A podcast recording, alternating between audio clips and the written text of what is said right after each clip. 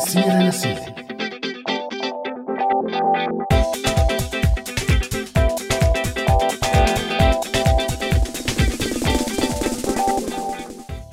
أوقاتكم سعيدة مستمعي راديو سوريالي. وأنا برحب فيكم مستمعينا بهي الحلقة الجديدة من برنامج من سيرة لسيرة. وحلقتنا لليوم رح نناقش فيها وضع السوريين بتركيا ونحكي شوية أرقام حقيقية عن الوجود السوري بتركيا. ورح نعرف هل فعلا تغير الوضع بين الأتراك والسوريين وشو يلي غيروا يا ترى؟ إن شاء الله نكون رح نقدر نعمل شغل بيوضح هاي القصة تماما. فإذا بهمكم هالموضوع تفضلوا معنا بهي الحلقة الجديدة من برنامج من سيرة لسيرة. على هوا الراديو يلي بيولف على هواكم راديو سوريالي.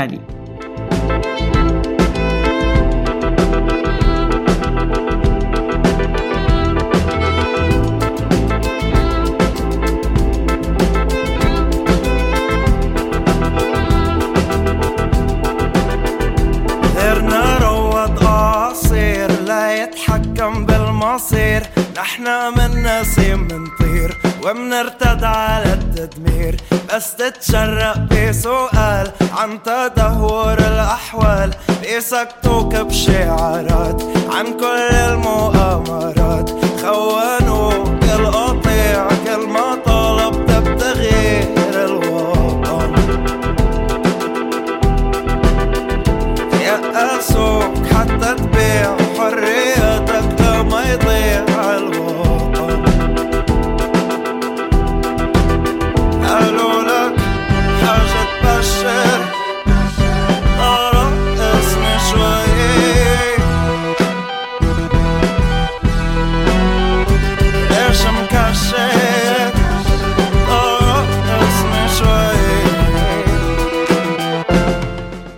حلقتنا لليوم بيقول يا هل ترى كل السوريين الموافقين لسياسة أردوغان هن إخوان مسلمين ولا في غيرهم؟ وطرق التواصل على صفحاتنا على مواقع التواصل الاجتماعي فيسبوك وتويتر أو رسالة صوتية أو مكتوبة على الواتساب على الرقم 0096277985110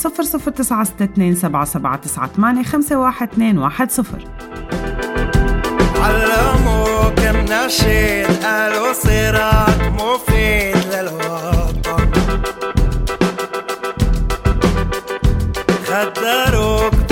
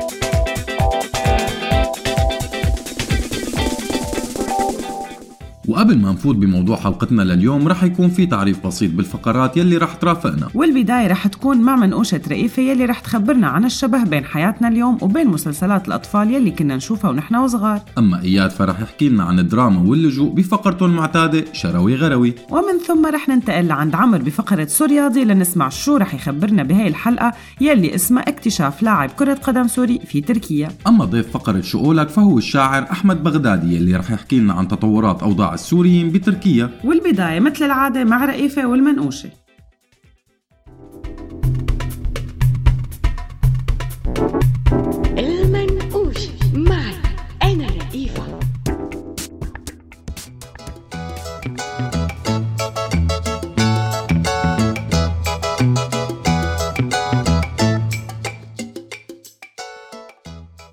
أحياناً بقعد وبصفن لحالي قديش كان جيلنا محظوظ بمسلسلات الأطفال وقديش تعلمنا منها عبر ومواعظ وخبرات.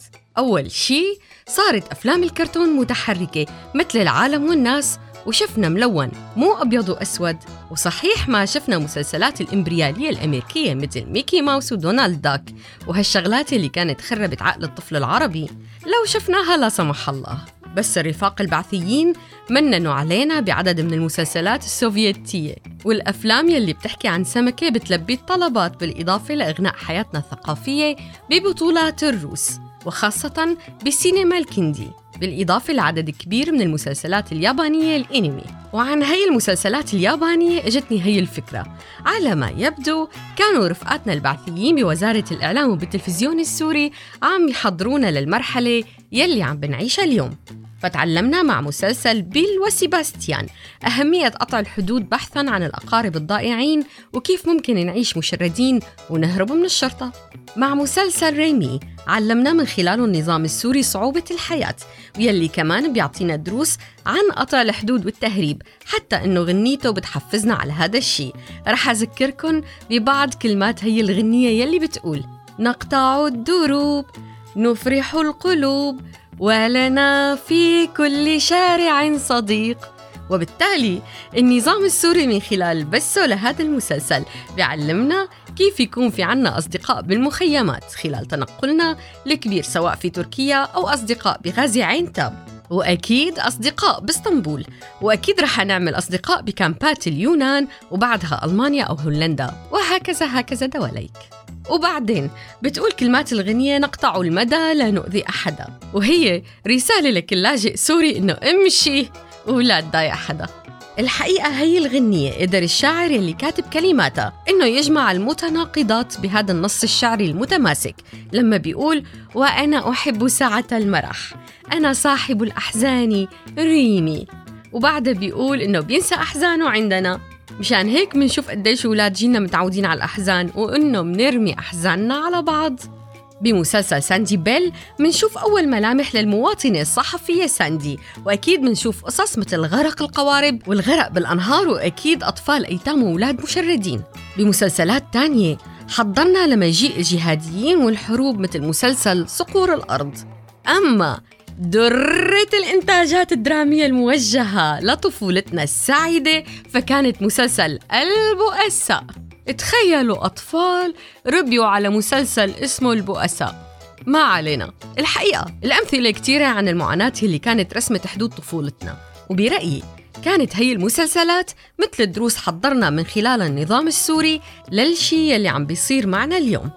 فشو رأيكم بهيك طفولة؟ دام فضلكم.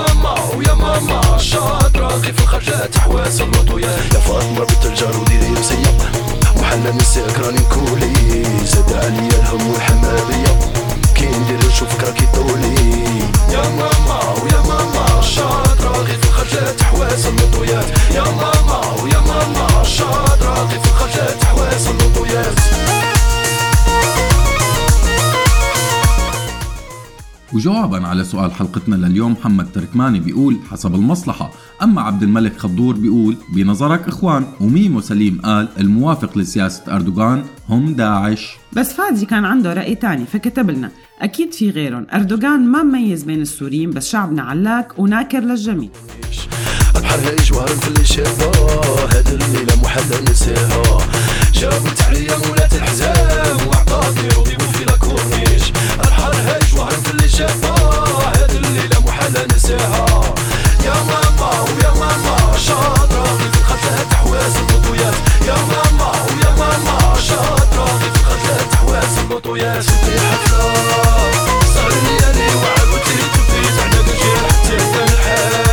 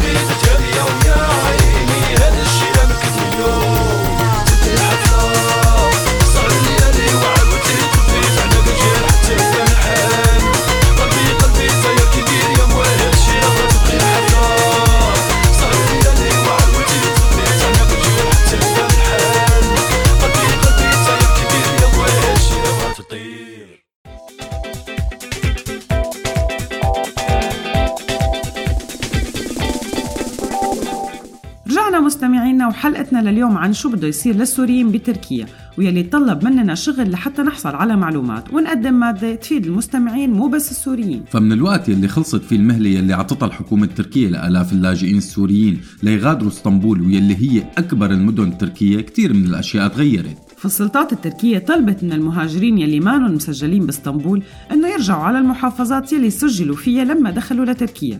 وكانت السلطة عطت المقيمين باسطنبول مهلة خلصت ب 20 آب الماضي لحتى يخلصوا أوضاعهم. طلعت هي الأوامر من وزارة الداخلية التركية وكان في بعض التحليلات يلي قالت إنه هذا القرار إجا كمحاولة لتخفيف الضغط بين قوسين طبعا يلي عم يشكلوا المهاجرين على هي المدينة. بس أكيد السبب ما هاد لأنه في اعتراضات طلعت من برات اسطنبول من يمينيين وقوميين أتراك. أكثر من اسطنبول نفسها وعلى الرغم من هذا الشيء ما أخذت السلطات التركية أي اعتبار لهذا الشيء. وفي كتير من المؤشرات الثانية بتدل أنه السبب ما تخفيف الضغط على مدينة اسطنبول. هذا الشيء خلى بعض المنظمات الحقوق الإنسان تشكك بالتبرير التركي وتأكد أنه في أعداد كبيرة من السوريين عم ينجبروا يرجعوا لسوريا وأنه تم بالفعل ترحيل كتير منهم بشكل جماعي لمناطق عم تشهد عمليات حربية بسوريا. وهذا الشيء اللي تأكد على كتير من صفحات التواصل الاجتماعي وبعدها نقلته كتير من المحطات الإخبارية العالمية واللي أكدت أنه كتير من السوريين ترحلوا لأدلب وأكدت كمان هي الأخبار أنه كتير من اللاجئين انجبروا على توقيع وثائق بتقول أنه رجعوا رجعة طوعية وهي الوثائق كانت مكتوبة باللغة التركية وبالتالي ما قدروا الأشخاص يلي وقعوا عليها إنه يقروها أو يفهموها. السوريين يلي عم يتابعوا هذا الموضوع من بدايته لاحظوا عدد كبير من الشهادات الموثقة يلي عم تحكي عن هذا الترحيل ولاحظوا أعداد كبيرة. المشكلة بالغطاء السياسي اللي انعطى من بعض السياسيين السوريين لتبرير التصرفات التركية بالإضافة للإخوان المسلمين يلي توجه لهم اللوم بعد عدد من الستاتوسات الفيسبوكية لبعض من منتسبيهم. قضية سوريا والسوريين كانت ولساتها من أبرز قضايا الرأي العام بتركيا وكان اللجوء السوري بأعداد كبيرة وقضية العبور لأوروبا من الشغلات يلي كبت الزيت على النار. بس اليوم لساتها عم تزيد هي المناقشات من بعد ما باشرت بلدية اسطنبول الحملة الكبيرة لمكافحة بين قوسين الهجرة الغير شرعية حسب تعبيرها ولنفهم ردة فعل الشارع التركي وسبب هذا الترك التركيز على السوريين لازم نرجع لورا. فالوضع مشابه للشيء اللي عم بيصير اليوم بأمريكا مع المهاجرين واللاجئين يلي عم بيحاولوا يعبروا للأمان من دول أمريكا الجنوبية يلي عم بتمر بظروف اقتصادية كتير صعبة. ما فهمت كيف الوضع متشابه همام لأنه بكل بساطة في أدوات إعلامية وأدوات سياسية عم تحاول تتلاعب بهدول اللاجئين. بس يعني الحقائق واضحة بعتقد معك حق بس كمان خلينا نرجع شوي لورا. فبال 2011 تم تداول كتير من المعلومات بتركيا عن السوريين وانشغل بشكل كتير كبير على منصات التواصل الاجتماعي المؤثرة أكثر من الدراسات والصحافة الأستقصائية. بس هاي المعلومات كان فيها كتير من المبالغات وما عكست الحقيقة أبدا وجزء كتير كبير منها ما زابط مع البيانات والإحصائيات الرسمية حتى التركية. هذا هو القصد عزة إنه تم التلاعب بالأرقام والحقائق مثل ما عم بيصير بكتير من دول العالم لأنه السياسيين دائما بحاجة لحدا يخوفوا الناس فيه. على كل حال نحن حنحاول نقدم بعض الأرقام والإحصائيات الرسمية من مؤسسات حكومية تركية ومن مؤسسات دولية عن السوريين بتركيا لتكون الصورة أوضح. فلما بلش اللاجئين السوريين يجوا على تركيا بعد ما تطور الوضع بسوريا عاشوا بتركيا تحت وضع الحماية المؤقتة ويلي هو وضع خاص بيمنح ليلي بيحملوا جنسيات بعض البلدان يلي عم بتعاني من الحروب أو الكوارث الطبيعية. لتعلم بعدها مديرية الهجرة العامة عن وزارة الداخلية التركية بإحصائية لإلها أنه عدد السوريين المسجلين بتركيا وصل لأكثر من 3 مليون. ضل هذا العدد عم يتزايد من 2011 وبالتأكيد استثنى الأتراك وضع الحماية المؤقتة السوريين يلي وضعهم الاقتصادي منيح وهدول بالتأكيد انعطوا حق الإقامة بتركيا. وبتقدر إحصائية طلعت عن إدارة الهجرة العامة بسنة 2018 عدد هدول الأشخاص ب 99643 سوري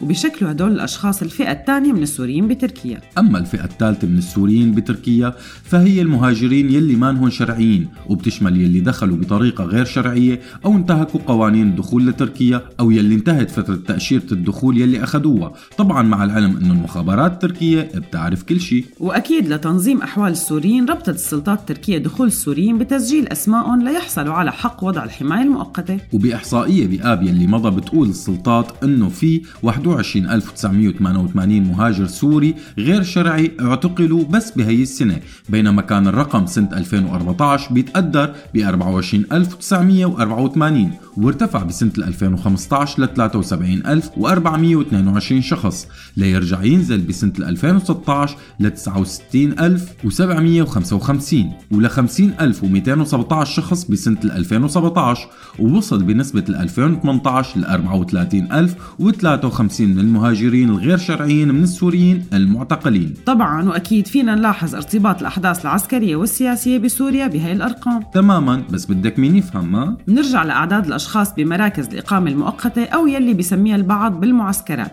يلي موجودة بمناطق مثل أورفا وأضنا وكلس وقهرمان ومرعش وهاتاي وعثمانية وغازي عنتاب. بيعيش بهي المراكز تقريبا 87464 من اللاجئين السوريين بحسب إحصائية صارت بتموز 2019 السوريين يلي بيعيشوا بالمدن هي تقريبا 97.6 من السوريين يلي مسجلين رسميا بالمدن التركية ومانهم بمعسكرات اللجوء.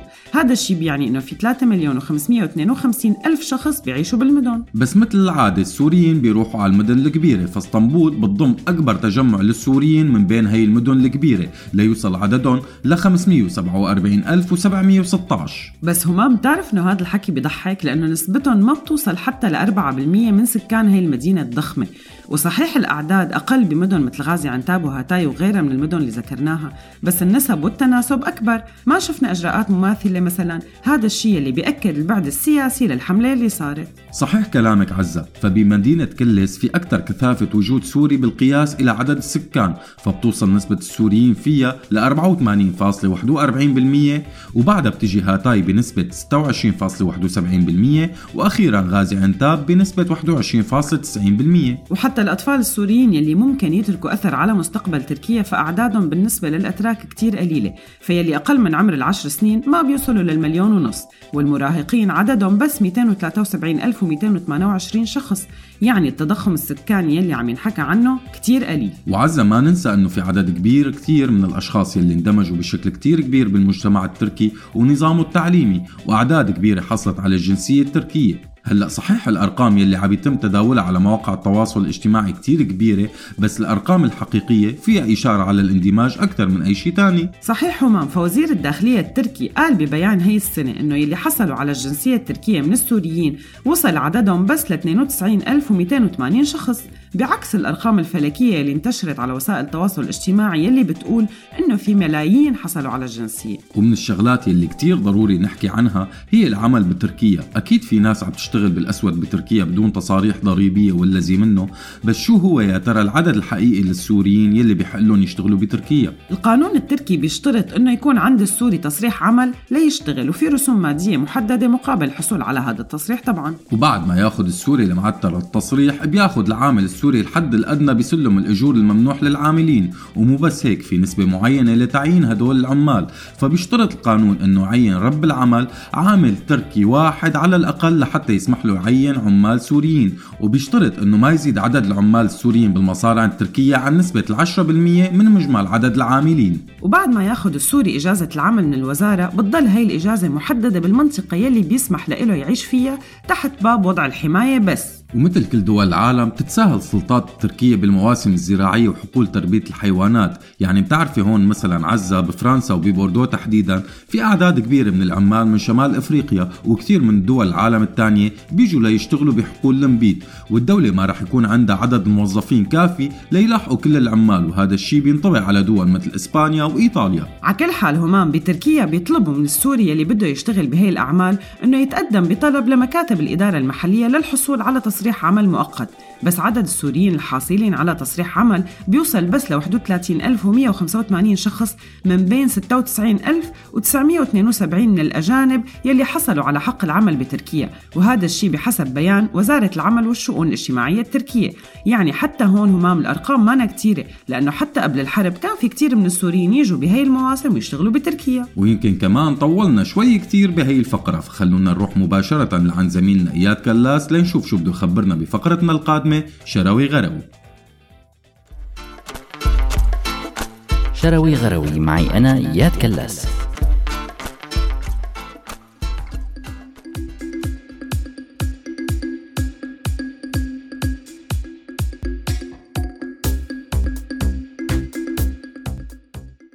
موضوع اللاجئين منه جديد على الدراما والمسلسلات والأفلام الأمريكية ودايما ما كان ينطرح هذا الموضوع على أكثر من صعيد. وما راح يكون السوريين أول اللاجئين ولا آخرهم بس موضوع اللاجئين صار دائم الحضور بالدراما الأمريكية والعالمية سواء بشكل مباشر أو غير مباشر لسببين الحقيقة الأول هو وصول دونالد ترامب إلى السلطة بأمريكا وتعالي أصوات اليمين المتطرف ضد اللاجئين والمهاجرين والسبب الثاني هو تحول الموضوع إلى نوع من الموضة بسبب ارتباط موضوع اللجوء بالقضايا يلي عم يدافع عنها الديمقراطيين بين أحزاب وناس عاديين واعيين لقضايا بتعني كل البشر بدون استثناء. من أبرز هاي القضايا هي قضية التغيير المناخي واللاجئين أو المهاجرين يلي عم يجوا بسبب هي التغييرات المناخية. إذا منتابع بشغف منشوف كيف صار حضور كلمة لاجئ موجود بأغلب المسلسلات الأمريكية بالسنوات الأخيرة ولو أحيانا كان مقحم أقحام ببعض الأحيان. فمثلا مين كان بيتخيل أنه سوبرمان أو Supergirl هن اللاجئين؟ فبالحقيقة بالفعل بمسلسل Supergirl صار دائما يتم الحديث عن اللاجئين وبيتم تعريف البطلة بأكثر من مرة عن حالها إنها لاجئة وبتعطي أحيانا محاضرات عن اللاجئين وأهميتهم بالاقتصاد وحماية البلاد. من جهة تانية كتير مسلسلات مثل Scorpion و Grey's Anatomy و House of Cards عم يتم طرح موضوع اللاجئين بشكل من الأشكال ودائما بيقدر الناقد والمحلل يشوف إنه بطريقة المعالجة عم يكون في طرح مباشر شوي للموضوع وغالبا مع أجندة سياسية. بالإضافة لهالشي في مسلسل كامل أنتج بسنة 2015 اسمه اللاجئون بس معالجته شوي مختلفة. فهذا المسلسل بيحكي عن اللاجئين من زمن مختلف. ففي مرض مستحيل شفاؤه أصاب البشر بمرحلة زمنية متقدمة اضطرت مجموعة من البشر أنه تسافر بالزمن كلاجئين من نوع تاني. وهذا المسلسل كمان بيحمل كتير من الرسائل الإيجابية والإنسانية.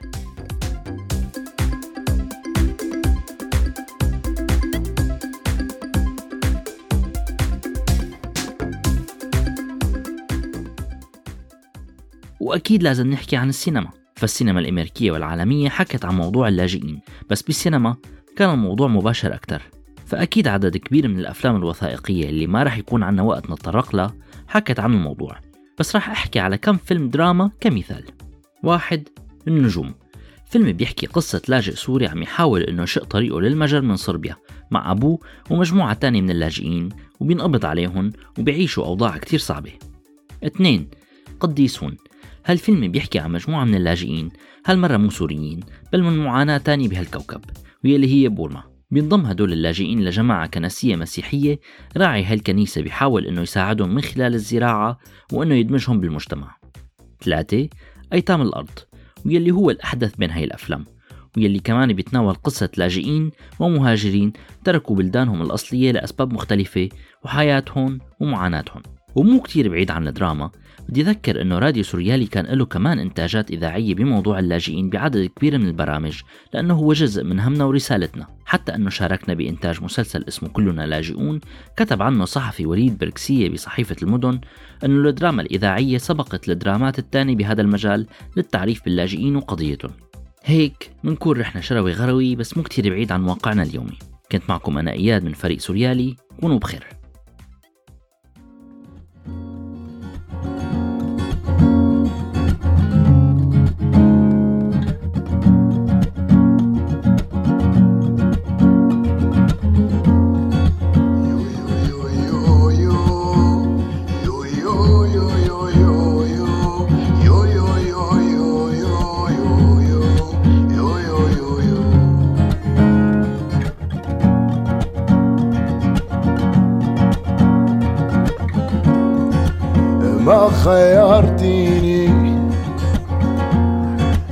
صفنت أنا فيكي تغيرتي ليه؟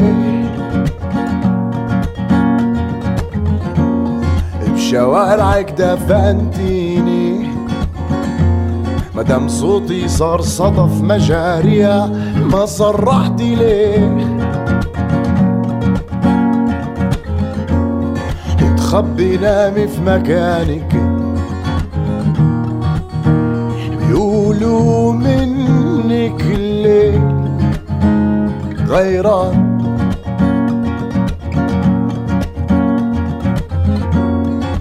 ضلي انت العنوان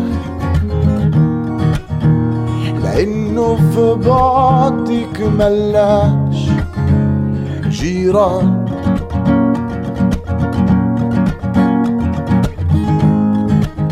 إحنا الحكاية الجداد إحنا الهدايا الجداد. وإحنا الحكاية اللي مش كل شي بيرضيك بيرضينا. انتي اتغيرتي ليه؟ ضل شوقي أنا. شلال بيجري في حواريكي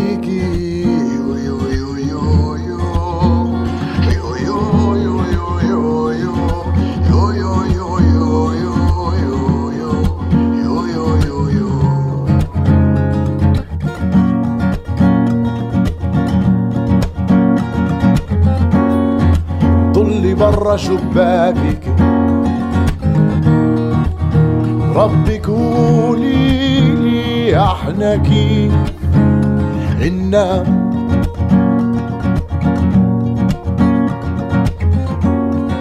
ما ضلش ينام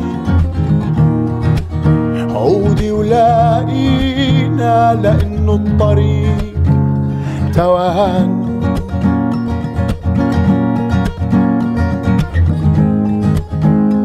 إحنا الحكاية الجداد. إحنا الهدايا الجداد. إحنا الحكاية اللي مش كل شي بيرضيك بيرضينا. انتي اتغيرتي ليه؟ ضل شوقي أنا. شلال بيجري في حواريكي. إحنا الحكاية الجداد إحنا الهدايا الجداد إحنا الحكاية اللي مش كل شي بيرضيك بيرضينا.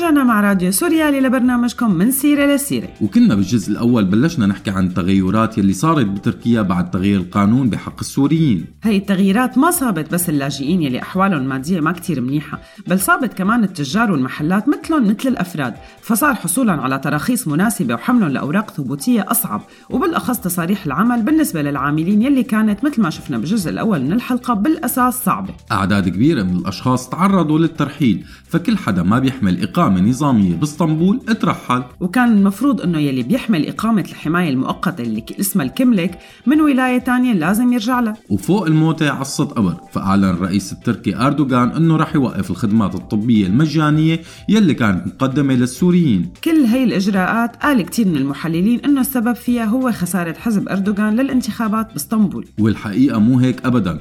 فهو استخدام فقط للسوريين كورقة للتخفيف عن الضغط يلي عم يتعرض له أردوغان جوات حزبه بعد الخسارة. بالإضافة لأهداف سياسية تانية مرتبطة بالمنطقة العازلة يلي عملها أردوغان وناوي يوسعها يلي أعلن مسؤولين أتراك أنه بعد ما تنحل مشاكل بمنبج وشرق الفرات رح يوصل عدد الناس يلي رح يرجعوا لأكثر من مليون. كل ماله عم يبين إنه السوريين بتركيا عم بيكونوا كبش فدا للاقتصاد والمزاج العام والركود الاقتصادي فمعدلات التضخم يلي وصلت 30 سنة الماضية ارتفعت كمان هي السنة 10% الدعاية على صفحات التواصل الاجتماعي ضد السوريين وارتفاع معدلات البطالة خلى الغضب تجاه السوريين يكبر. هالشي اللي وصل لعنف واستهداف متاجر وممتلكات السوريين ومنها مثلا حي كوتشوك تشيكماجة باسطنبول هي الحادثة بلشت بسبب إشاعة نفتها السلطات التركية بعدين واللي بتقول إنه في صبي سوري لطش صبية تركية. بس العنف اتوسع لحتى تضطر الشرطة إنه تستخدم الغاز المسيل للدموع ومدافع المي لتفريق المهاجمين يلي كانوا دمروا كتير من المحلات. السورية وشقوا اللافتات المكتوبة بالعربي. والهجمات والعنف على السوريين ما وقف لهلأ بحالات متفرقة على الرغم من محاولة السلطات أنها تحتوي الوضع. طبعا عزة هذا لا يعني إنه ما في مشاكل عم يقوم فيها بعض السوريين بس المشكلة هي طريقة استخدامها مشان تحويل المزاج العام ضد السوريين. بس بالمقابل كمان همام طلعت كتير هاشتاجات عم تدافع عن السوريين مثل هاشتاج لا تعتدي على أخي وهاشتاج تاني السوريون ليسوا وحدهم. بعد هذا العنف يلي صار طلع قرار من بلدية اسطنبول بيجبر المحلات إنه تكون نسبة الكتابة فيها 75% على الأقل بالتركي ومو بالعربي بالكامل. وأفادت وحدة من الدراسات الجديدة بجامعة قادر هاس باسطنبول إنه نسبة الأتراك المتضايقين من الوجود السوري طلعت من 54.5% بسنة 2017 لتوصل ل 67.7% بسنة 2019 كل هاي الضغوط والمشاكل عم تسكر الابواب أكثر على السوريين. فلوين الطريق يا ترى؟ وشو لسه؟ ما لعب فينا العالم ألعاب سياسية. طولنا كمان يمكن شوي بهي الفقرة وصار لازم نروح لعند عمر وفقرتنا الثانية واللي هي سورياطي. سوريالي مع عمر سواح.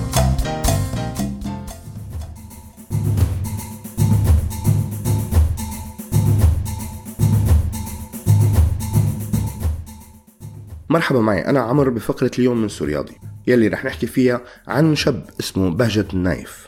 هذا الشاب السوري يلي كتر الحديث كتير عنه بالفترة الأخيرة. ليش؟ هلأ بتعرفوا. هذا اللاجئ السوري انشهر بعد ما عملت وزارة الشباب والرياضة التركية معسكر تدريبي بأرسوز بولاية هاتاي التركية بين 17 و 24 أيلول الماضي. شارك بهذا المعسكر 400 شاب سوري. وبرعاية الشباب ومنظمة الأمم المتحدة للطفولة اليونيسف نايف كان من بين السوريين اللي لفت الأنظار الكل بسبب مهارته الكبيرة ليتحول لبطل خلال المعسكر يلي صارت فيه مجموعة من المباريات بين فرق مختلفة. هاي الفرق تشكلت من سوريين. كل مجموعة من السوريين كانوا عم يمثلوا ولاية من ولايات تركيا وبالأخير كان في مباراة جمعت فريق الفائز مع أعضاء المنتخب السابق لكرة القدم التركي بآخر معسكر. حصل فريق النايف على المركز الأول بالمباريات اللي صارت خلال هذا المعسكر وهو كان عم يمثل ولاية أورفا التركية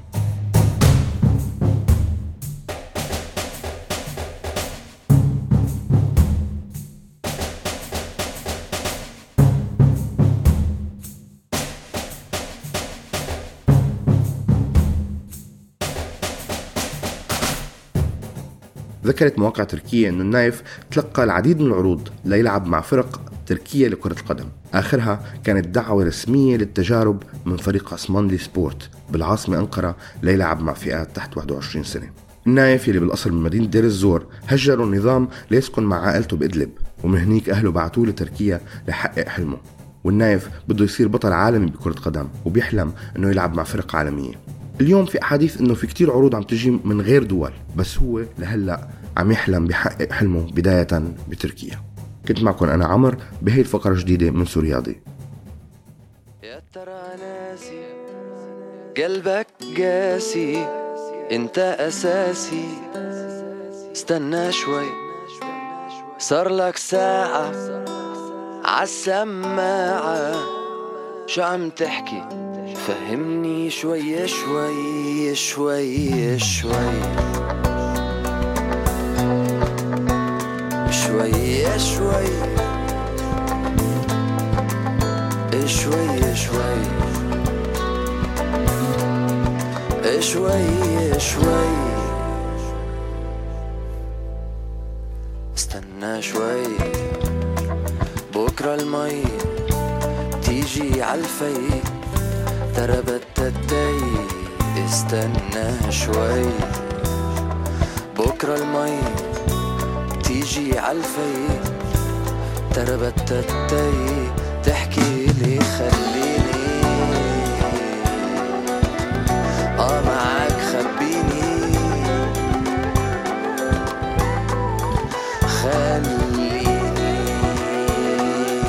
مع حالي شوي. واستنينا ما حكينا. ولا ردنا ولا نتف شوي. صار لك ساعة عالسماعة شو عم تحكي؟ فهمني شوي شوي شوي شوي شوي.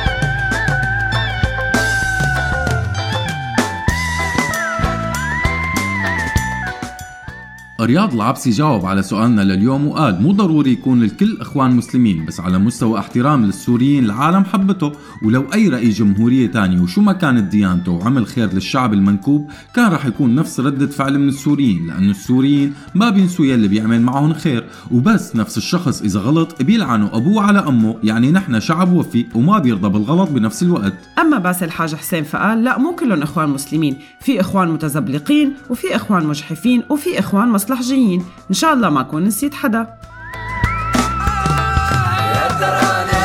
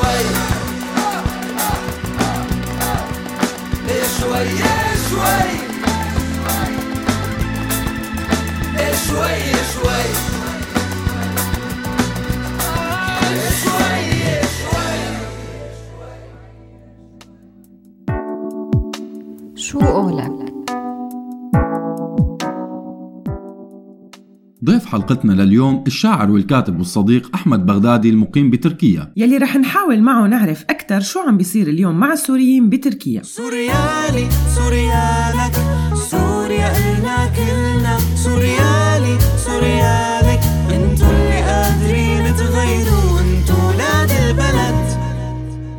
أحمد أهلا وسهلا فيك ضيف عزيز ببرنامج من سيرة لسيرة على هوا راديو سوريالي. وبداية بدنا نسألك شو هي الإجراءات التركية اللي أكثر شيء أضرت بالسوريين خلال الشهور الأخيرة؟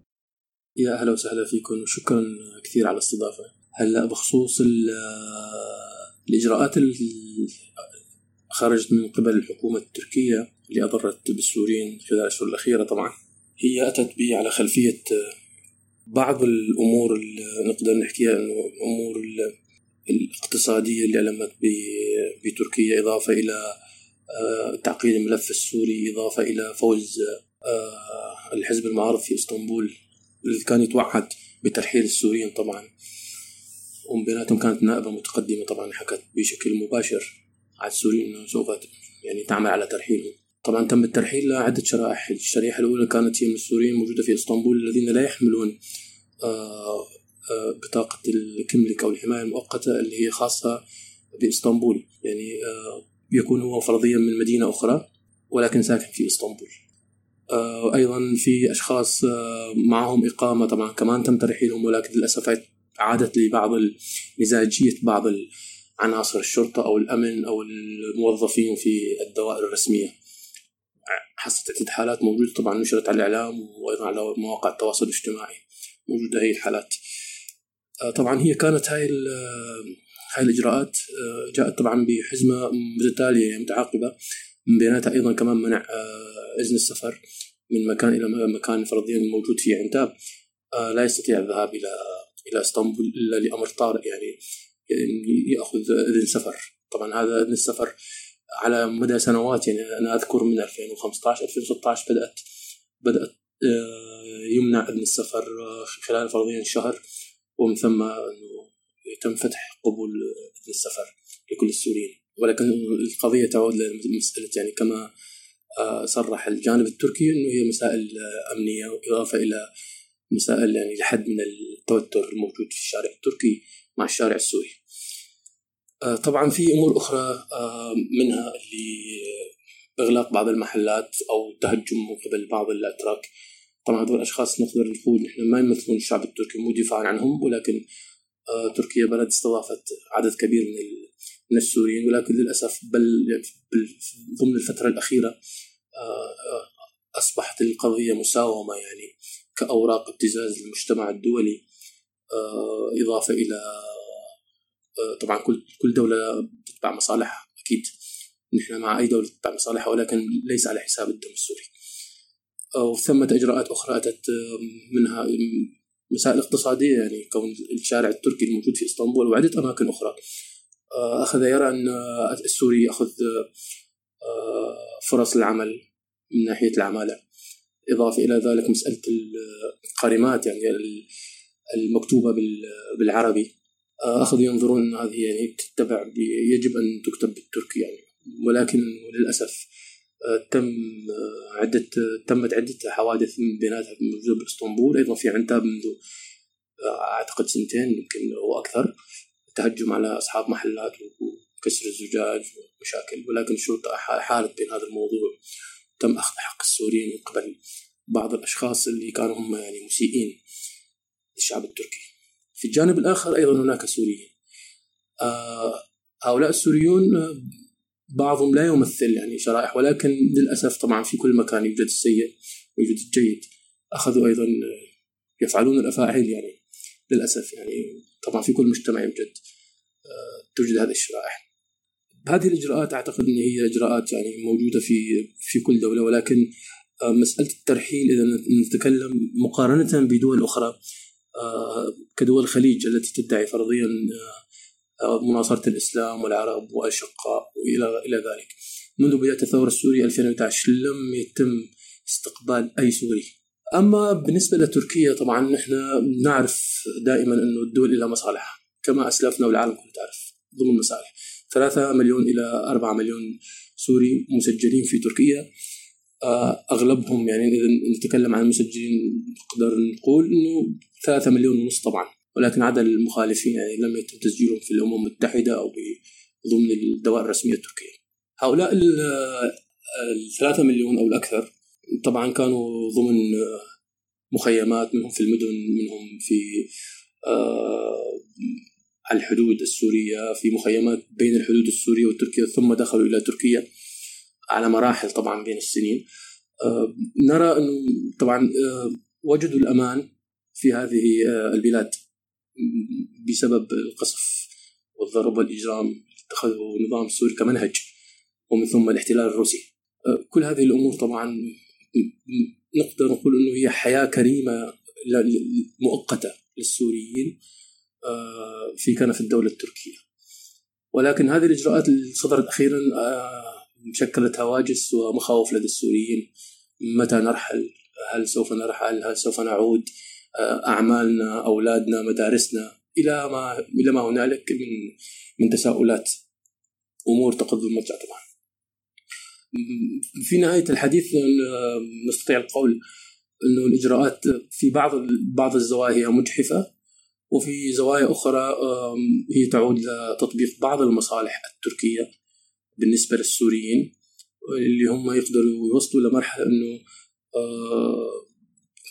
بين نارين يعني نار الدخول إلى سوريا وسوريا لم يتبقى منها منطقة آمنة. بين قوسين قدرنا نسميها منطقة آمنة. نحن نرى القصف الآن في إدلب آه، هي إدلب وقرها.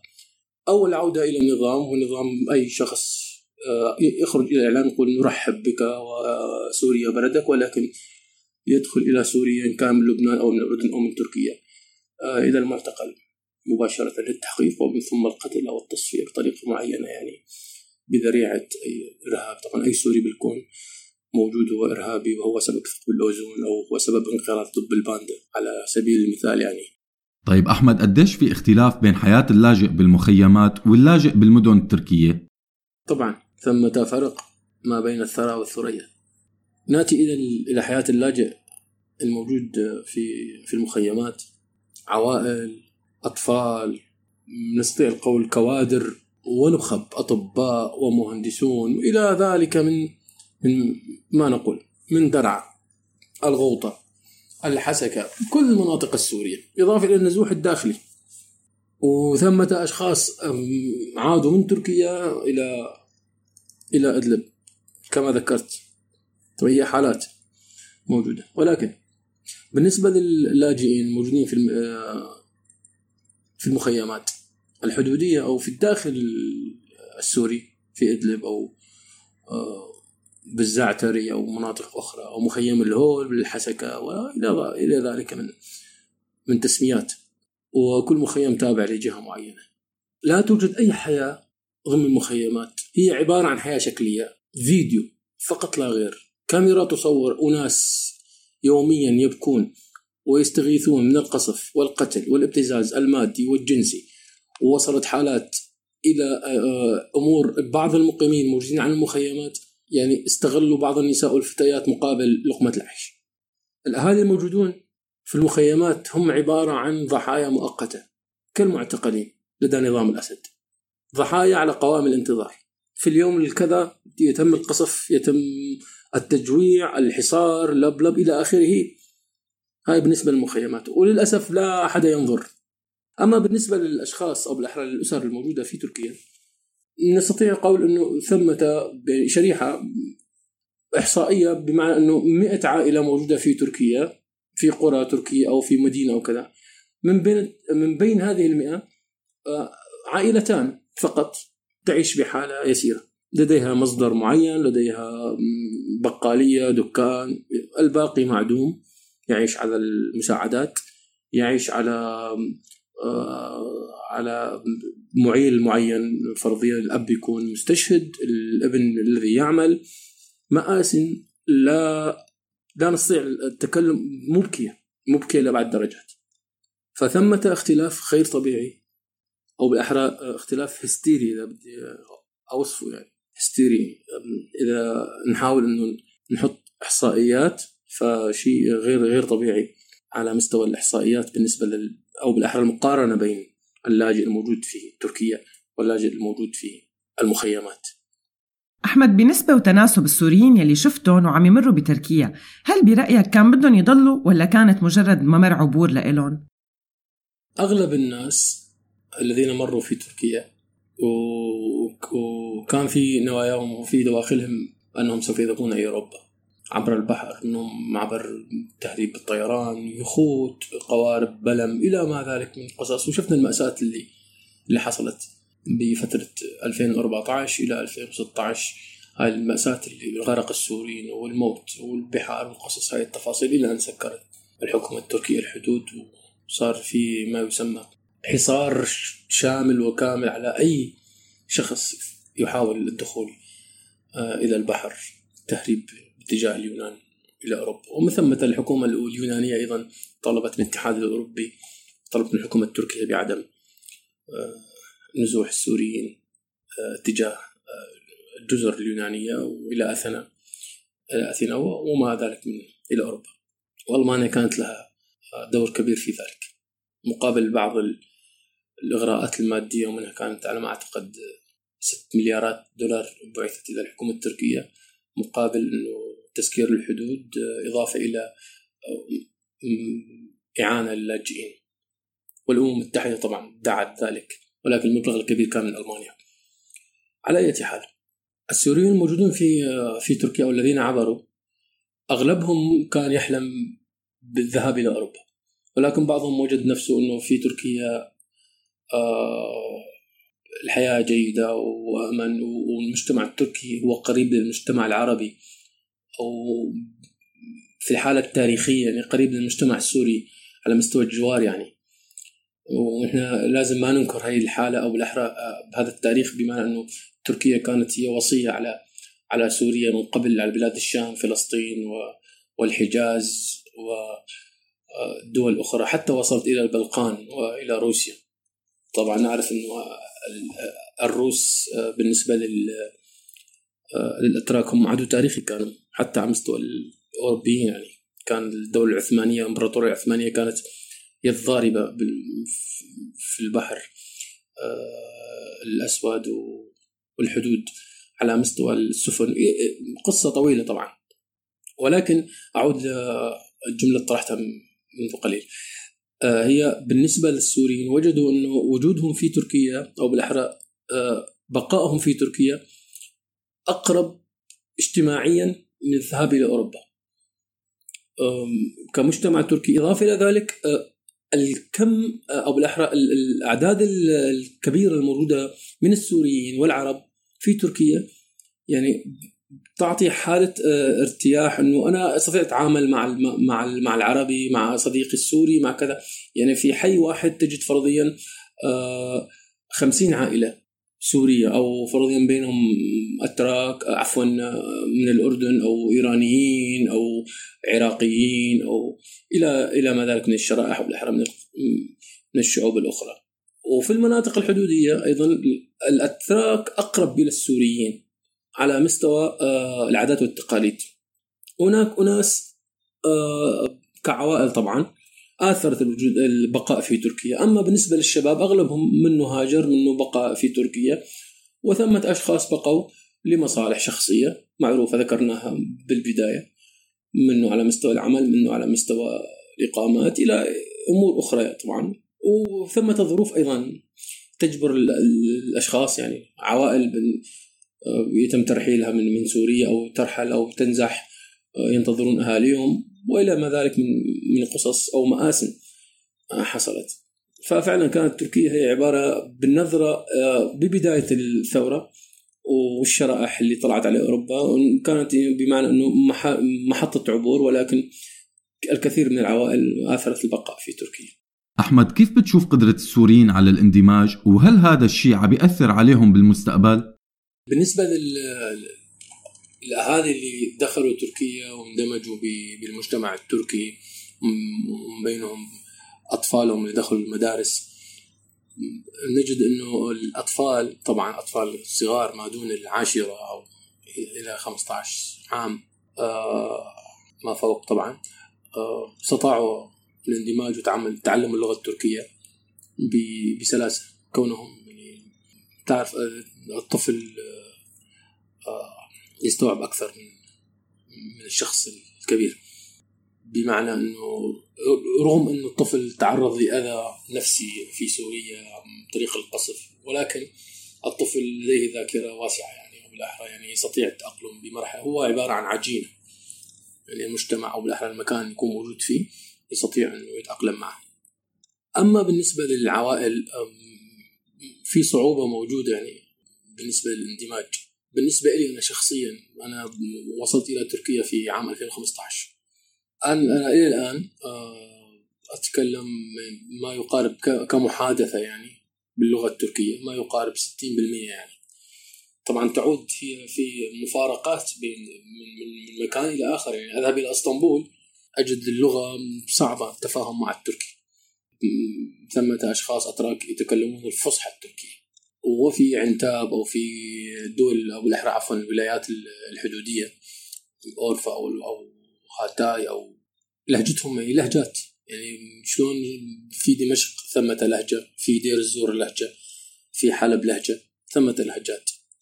وتباين بين بين ال- الكلمة أو بالأحرى بين المصطلحات إلى آخره من من ما يسمى تلاقح اللغات أو اللهجات.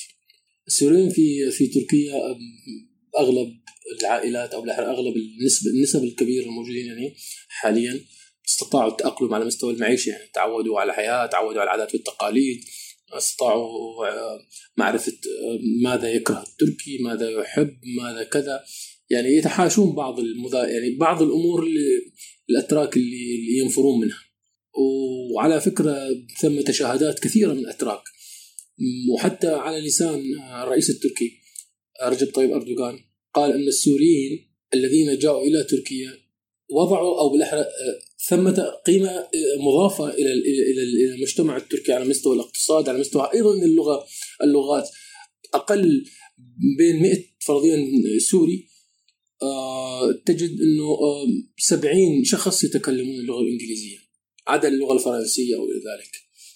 الأتراك يفتقدون اللغة الإنجليزية طبعا لأسباب موجودة بالجامعة، أسباب تعود إلى التدريس، إضافة إلى مسألة الحالة نقدر نقول هي التمسك أو الحالة الطورانية هي التمسك بال- بال- بالقومية التركية. طبعا هذا حق كل شعب من حقوقه إنه يتمسك بعاداته وتقاليده وما يشاء ولكن مسألة الانفتاح والتعلم عن لغات أخرى تعود هي اجتهاد شخصي يعني أنا لا أستطيع أن أجبر شخص تعال وتعلم اللغة الإنجليزية أو تعال وتعلم اللغة العربية وإلى ذلك من هذه الأمور. المجتمع السوري الموجود في تركيا أعتقد أنه نسبة كبيرة منه آه، استطاع التأقلم ولكن التاقلم إلى ذلك إلى الآن هو ظل مجهول. تعود يعود هذا المجهول إلى المخاوف التي تطرق- تطرقنا عليها مساله الترحيل إلى ذلك من قصص والتفاهمات بين الدول. سؤالنا الأخير لإلك أحمد اليوم هل قدر السوريين يا ترى يأسسوا لحياة ثقافية بالمدن التركية الكبيرة يلي حضنتهم؟ طبعا السوري آه، هو شخص خلاق أينما ذهب. وبين على ذلك ما ينشر في الصحف الألمانية والصحف الدنماركية والصحف الهولندية والصحف الأمريكية إلى ذلك من صحف. وأنا تكلمت عن الصحف المسيسة في بداية حديثي ولكن هذه حقيقة. يجب أن تكتب أو يجب أن نعرفها. الكثير من السوريين آه، وصلوا لمراحل في الجامعات الدرجات الأولى على مستوى طلاب وطالبات في كل المجالات الفيزياء والكيمياء والطب أي مكان رغم هذا الجرح العميق الموجود في دواخلنا. رغم ذلك تحدوا المنافي وتحدوا نظام الأسد وتحدوا كل شيء والقهر والموت والمنفى وأسسوا لكيان وبرهنوا للعالم إن- إن السوري خلاق. والسوري موجود في كل ما في في كل المضامير. في كل مضمار تجد سوري يبدع. ألمانيا التي هي ما تسمى ألمانيا هي ال- الآن هي محتضنة الكثير من السوريين ملايين بعيدا عن تركيا كون العدد يقارب بمعنى. يعني لا توجد عندها طاقة لا يوجد عندها شباب. لماذا ألمانيا أخذت هذا هذه النسبة؟ من السوريين أخذت النخب. وفرنسا أيضا تأخذ النخب. فرنسا لعبت على لعب آخر بمعنى يعني أخذت النخب إضافة إلى النخب أخذت كمان أقليات ما يسمى. لعبت على وتر طائفي وبالإحرى عنصري يعني. ما يسمى النادي المسيحي في أوروبا. أنا لا أدخل ب- بطائفية أو بعنصرية ولكن هذه الحقيقة. السوريين موجودون في تركيا عملوا على على على تأسيس آه، منتديات ونواد يعني ثقافية وفكرية و و- وثمة عدة آه، برامج عمل عليها بعض النشطاء بعض المثقفين والمفكرين اللي أتوا إلى تركيا بقيادة بعض النخب السياسية والفكرية. منهم أتذكر أنا آه، الصديق العزيز الله يرحمه وسلامه كيلا فكر الفلسطيني الجميل كان يدير ندوات هنا في في تركيا بعض الأصدقاء الموجودين أيضا من كبار ال- المثقفين كانوا يأتون إلى تركيا إلى غازي عنتاب إلى إسطنبول ندوات أيضا موجودة. للأسف هو أو بالأحرى هذه الأمور أو هذه النشاطات جهود شخصية من بعض الأشخاص المهتمين ولكن لا نرى أي دعم من قبل ما يسمى المعارضة السورية الائتلاف إلى ما ذلك من تسميات. كل هم هذه الجماعة الحفاظ على الكراسي والمخصصات وإلى ما ذلك. رغم ذلك كل ما يسمى مثقف أو بالأحرى عمل بال- بال- بالمجال الثقافي الأدبي والفكري قدم نفسه إن كان في تركيا أو كان في أوروبا أو مكان أو أي مكان آخر. حتى في دول ال- اللي هي كانت آه، تعمل على آه، على أجندة عنصرية كان في لبنان يعني طبعا وبالأردن. ثمة السوريون استطاعوا أن يضعوا بصمة على مستوى الأدب على مستوى الثقافة والنماذج موجودة في كل مكان. وأي شخص يستطيع الرجوع إلى الإنترنت إلى إلى إلى مراجع أخرى كانت هي مرئية وكانت هي مسموعة. للأسف بنهاية الحديث لا نستطيع القول غير أنه هذا الشعب السوري العظيم الذي آه، قال عنه بيوم من الأيام القوة لي جمال عبد الناصر أنا سلمتك ثلاثة مليون سياسي. هو أكبر من ما يدعي قوة لي رغم أنه هذا الشخص له مساوئه ومحاسنه أمام ما ما يدعي عبد الناصر من قومية خربت بيت العرب عمالة وقصص طويلة عريضة آه هذا الشعب السوري أصبح كبيرا إلى الخمسينات وإلى الستينات إلى السبعينات إلى أن أتى ما يسمى حزب البعث. ما يسمى نظام الأسد العميل الذي زرعته بريطانيا والكيان الصهيوني وبدأ بالتجهيل وبالقتل الفكري. بكل الذرائع ثمة متنفس للسوريين خارج نظام الأسد فأبدعوا في كل المجالات إن كان في تركيا أو في مكان آخر. وأنا أقول الثورة هي فعل مضارع وسوف تنتصر. رغم أنف أمريكا وكل من دعم النظام السوري. وشكرا لكم على الاستضافة. تحياتي.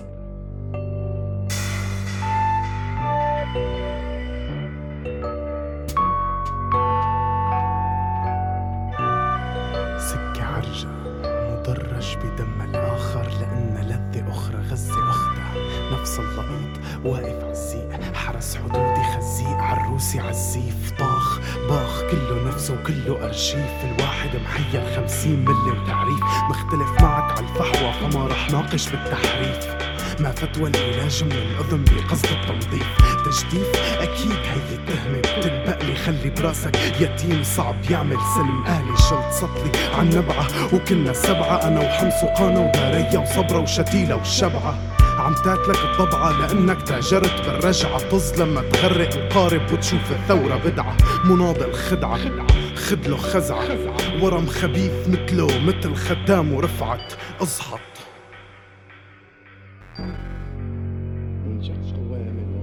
سابقا كما مرات عديدة. وتدريسه مرات مرات أخرى عديدة. وشنق نفسه خمس مرات في غرفته. بخمس أفكار سديدة.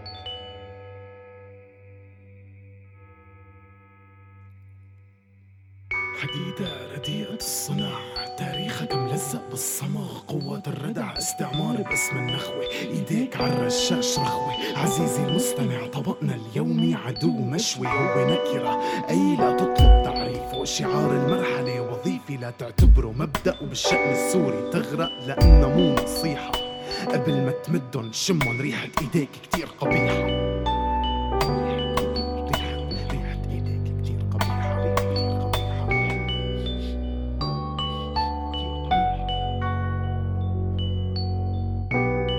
عشت وأنا عبي دمي بالطشت لأني وقت حقي بصير هردبشت. قد ما رح تحكي لغات بالحمصة بتضلك بشت كثافة إنتاج سوق توزيع صلعة ومش دفة عم حس بخفة بخفي حنين رجعت عم عبي الوجع بالقفة عم قفي نثر أجسادهم من بيتي لأطراف الحفة من التيتي ليما الضفة صعب لما تعرف إنه الحكي ما بكفي. كفي أحيانا بترجف بس ما بتصافح. وصارت في كراسي طارت. هالحبل على الجرار مرابط كل شي بحسابه العدس بترابه ظابط انسى كلامي في صبية فوق عم بتغني ساقط. ضابط وشك بوشين فبغشك مرتين. مرة بوطي ومرة بوتين بكفي تسألني الثورة لمين؟ راح أضرب حالي برجلي إذا ابني بينسى فلسطين. أنا بنسى فطور سنين. منسف صحيح بس محرف. خرف لبس ثوب النعجة فكر حاله تصوف. مسك بحبل الله لما الكل عوف. عرجعة الإيمان طلع صرح وتخوف. ومي وسطل شطفة صغيرة للأسطبل براسي انهي السلطة بشي تحديد للنسل تجويد سورة النمل تحطيم قصورة بجهل شعوب. بلشت تصحى تفريق النص عن النصل. وهابي سلفي أو بعدي بشوه الصورة الأصل. لقد تم اكتشاف العطل. قبطان راكب عطيار راكب على حصان بيعشق كرة بتعشق بغل من سيرة لسيرة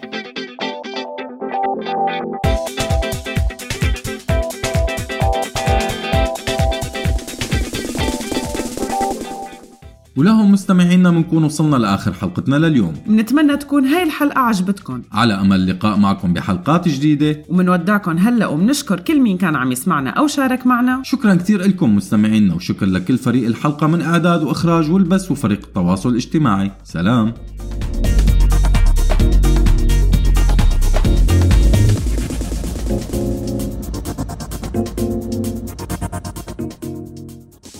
هذا البرنامج من إنتاج راديو سوريالي 2019